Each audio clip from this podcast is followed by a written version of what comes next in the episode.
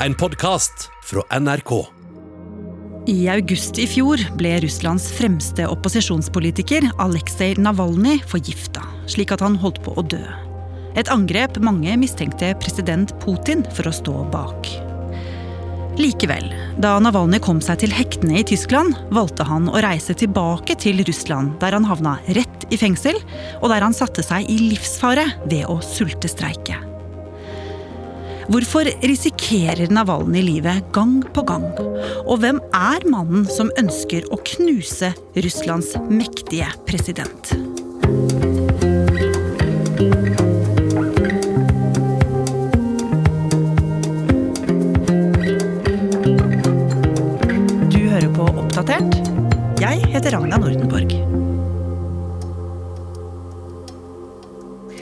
August eh, i fjor eh, var eh, Navalnyj en tur i Sibir for å møte støttespillerne sine der. Og Da han satt på flyet hjem, begynte han ganske raskt å føle seg veldig dårlig. Gro Holm er utenriksjournalist i NRK og kjenner godt historien til Russlands mest kjente opposisjonelle politiker. Han eh, gikk på do og stengte seg inne der i 20 minutter. Folk begynte å stå i kø utenfor. Kastet opp og skrek av smerte, og da han kom ut igjen, så lå han på gulvet og vred seg. Han klarte ikke å si noe, han klarte ikke å fortelle hva egentlig det var som skjedde.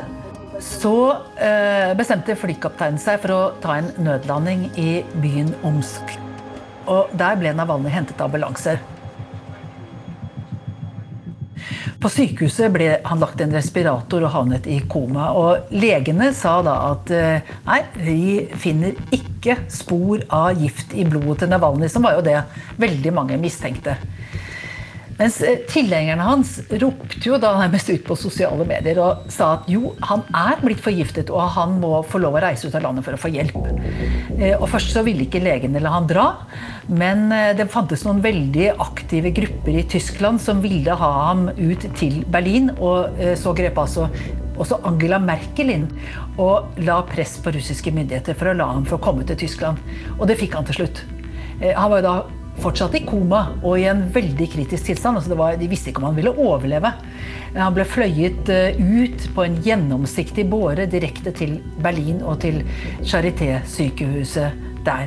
Og dette var jo veldig dramatiske scener. Altså det ble vist masse bilder, og, og, og det vakte veldig oppsikt over hele verden. Oblivious to the political storm around him, Alexei Navalny, arriving in Berlin for treatment. The man who took on Vladimir Putin is in a coma. Og hva var det de tyske legene som behandlet ham, fant ut av? Ja, det ble tatt prøver, og prøvene ble sendt til det tyske forsvaret. Og i løpet av noen dager så kom beskjeden. Alexei Nawalny wurde Opfer eines Angriffs mit einem chemischen Nervenkampfstoff der Novichok-Gruppe. Navalny var forgiftet med nervegiften Navichok. Det er den samme giften som ble brukt i et attentatforsøk mot eh, en tidligere russisk dobbeltagent, Sergej Skripal, og datteren hans i Storbritannia eh, noen år tidligere.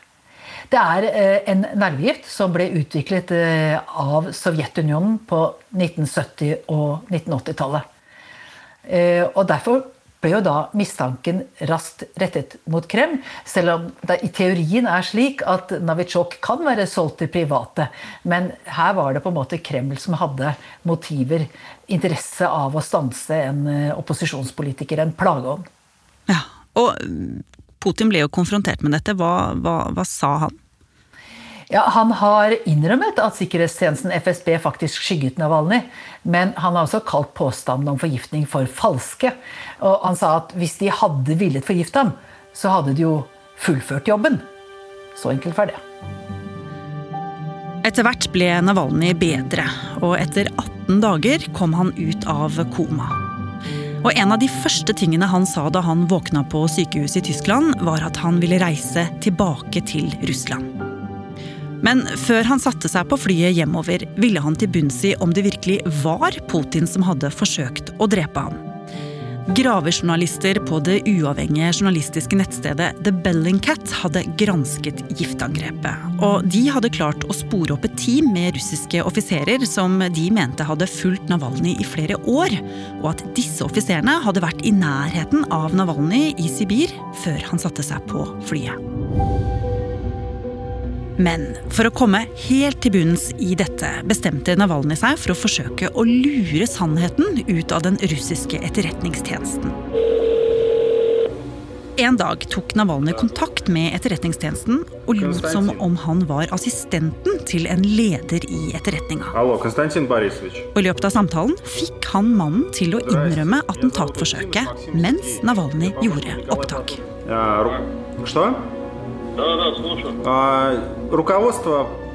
i samtalen later Navalnyj som om han er assistenten til en leder i etterretningen, og lurer derfor mannen på andre enden av telefonen til å innrømme attentatforsøket.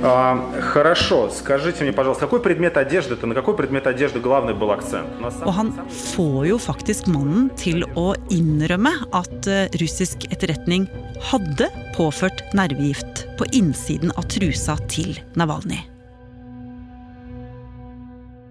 Og Gro, hva slags reaksjoner fikk denne videoen? Det er jo spektakulært, dette her. Ja, altså Den ble jo sett av jeg vet ikke, hundrevis av millioner verden over. NRK f.eks. Jeg tror vi viste den på Dagsrevyen. Og samtidig så var det jo veldig mange nå som ventet med stor spenning på om Navalnyj faktisk kom til å reise tilbake til Russland. Og i januar i år så bestemte han seg for å gjøre nettopp det han sa han skulle. Han satte seg utrolig nok på flyet og reiste tilbake til Russland og Putin, som Navalnyj jo mente prøvde å drepe ham.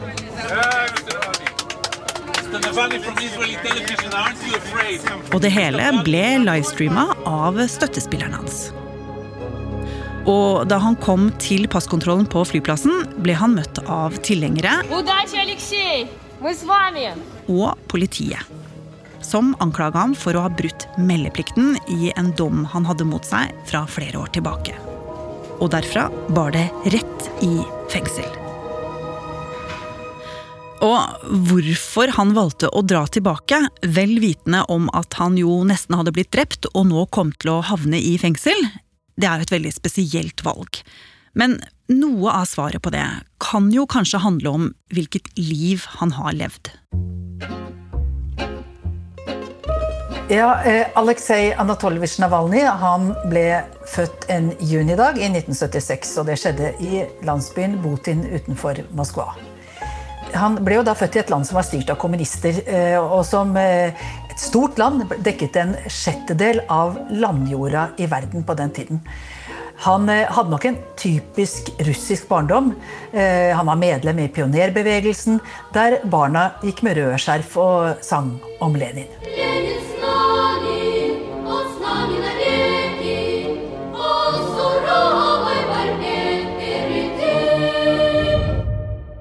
Ja, Og hvordan var en sånn barndom, Gro?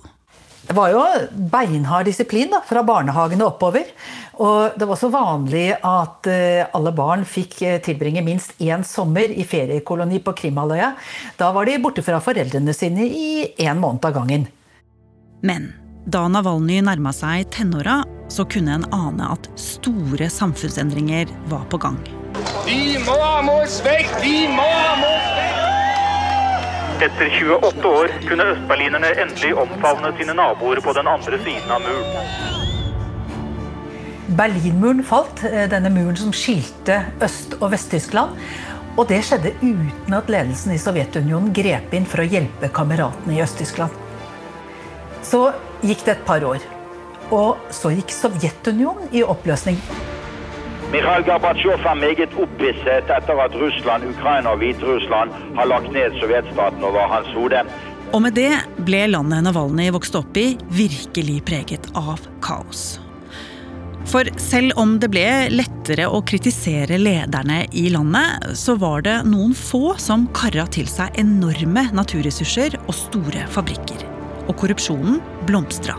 Noen ble ekstremt rike i kaoset. Men for de aller fleste i Russland var livet vanskelig og utrygt. Jeltsin-administrasjonen har prøvd å stagge pengetrykkingen, men like før rubelinndragningen krevde parlamentet at underskuddet på statsbudsjettet nå skal fordobles. Slik økes inflasjonen. Russlands fattige har fått en enda hardere hverdag etter at prisene har skutt i været de siste ukene. På familiens kjøkken er det ikke mye spiselig å finne. Alt dette her opplevde jo Navalny da han begynte å bli en ung mann utover 90-tallet. Og Gro, hvordan reagerte han på det som skjedde? Han ble skikkelig forbanna pga. all korrupsjonen. Og følte at han måtte studere juss eh, for å kunne skjønne systemet bedre og kunne kritisere fra et eh, solid ståsted. Han ble da uteksaminert eh, som jurist i 1998 fra et universitet i Moskva. Da var han bare 22 år gammel.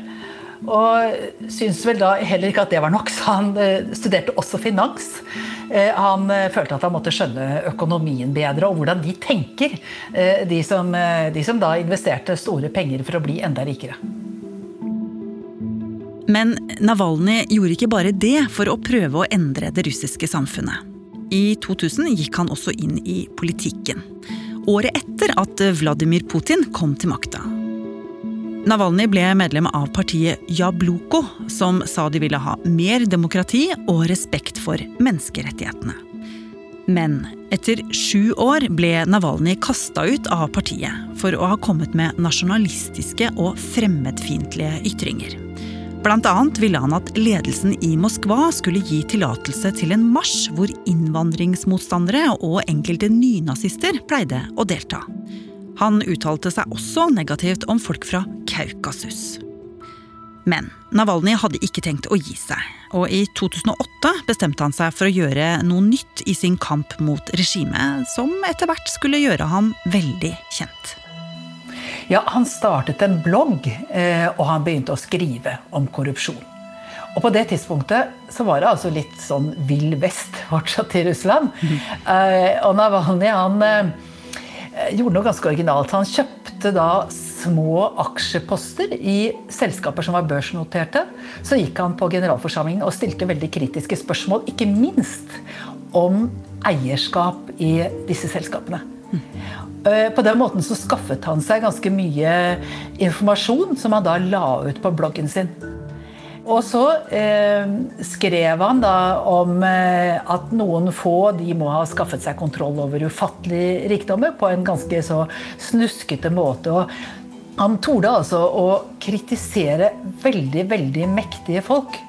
Og det var folk som både satt i, i statlige stillinger, og som satt i store private eller halvprivate selskaper. Og Eh, og dette var noe litt nytt, for han nådde jo eh, helt nye grupper, ikke minst eh, unge russere, på den måten. Så Navalny var ikke akkurat redd. Og det til tross for at Putin hadde gjort det vanskeligere å kritisere makta i tradisjonelle medier, spesielt på TV. Så på denne måten ble Navalny en alternativ stemme. Men Navalny visste nok at det ikke holdt å vise fram korrupsjonen i landet så etter hvert så prøvde han på ny å komme inn i politikken. I 2013 stilte han som borgermesterkandidat i Moskva, og det gikk ganske bra, selv om han ikke vant. Men da han annonserte sitt kandidatur til presidentvalget i 2018, ble det satt kjepper i hjulene for ham.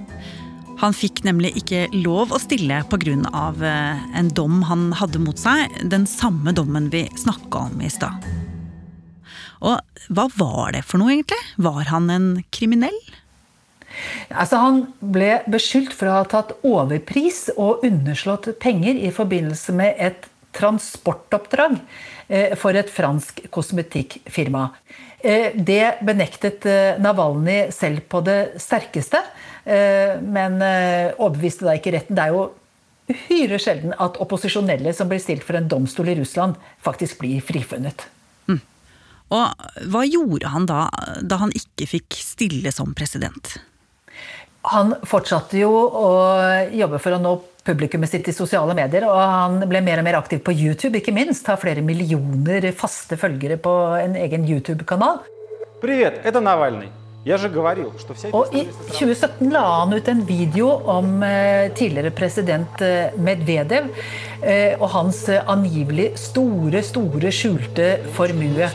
Бывший президент, действующий премьер-министр, лидер правящей партии «Единая Россия» Han hadde viste bilder av palasser, av vingårder, av svære båter, som altså skal ha vært anskaffet i det skjulte av en mann som tross alt var en av Putins aller nærmeste og mest lojale eh, allierte.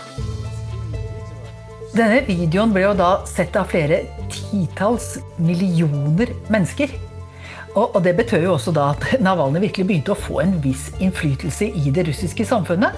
Eh, han eh, nådde fram til mange av dem som på en måte Putin prøvde samtidig å eh, skape gode patrioter ut av.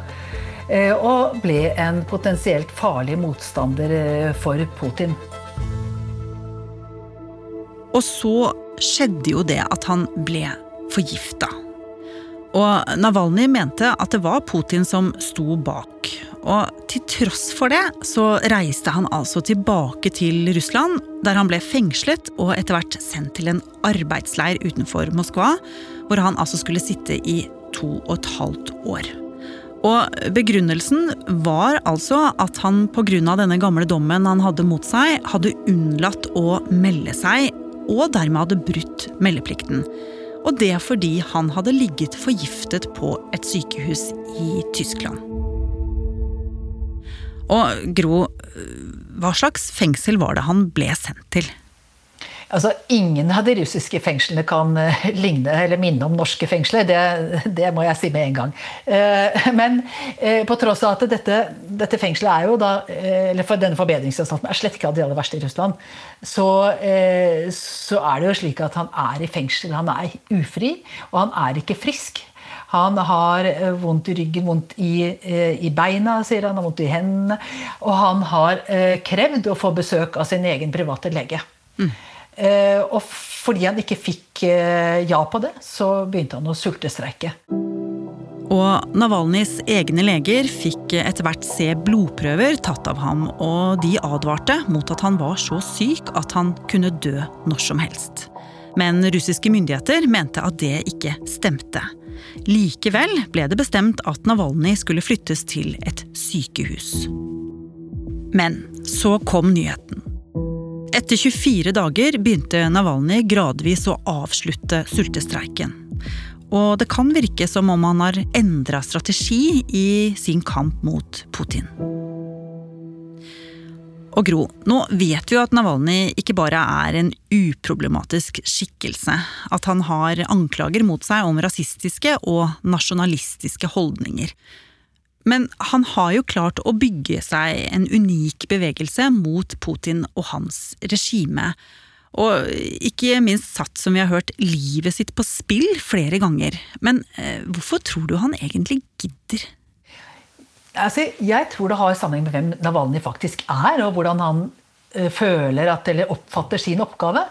Han mener at eh, hans misjon i verden er å være i Russland for å kunne lede han i opposisjonen mot Putin. Jeg tror han, han tenker at han basically har to viktige oppgaver. Det ene er å gjøre gatas stemme så høy at det ikke går an å undertrykke den lenger. Og det andre er å bli kvitt Putin som president. Og han ønsker jo da selv egentlig å erstatte Putin og bli president selv. Hm.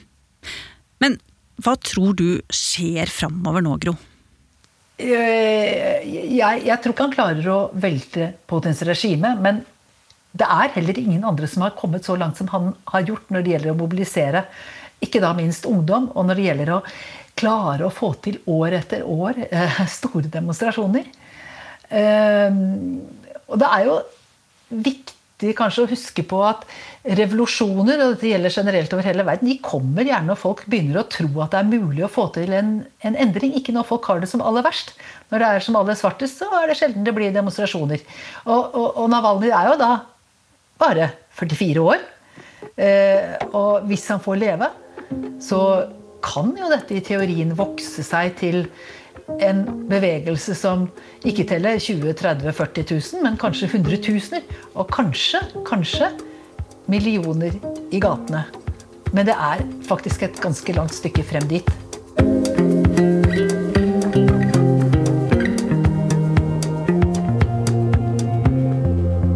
Har du lyst til å bli fast lytter av oss i Oppdatert og få påminnelse om nye episoder?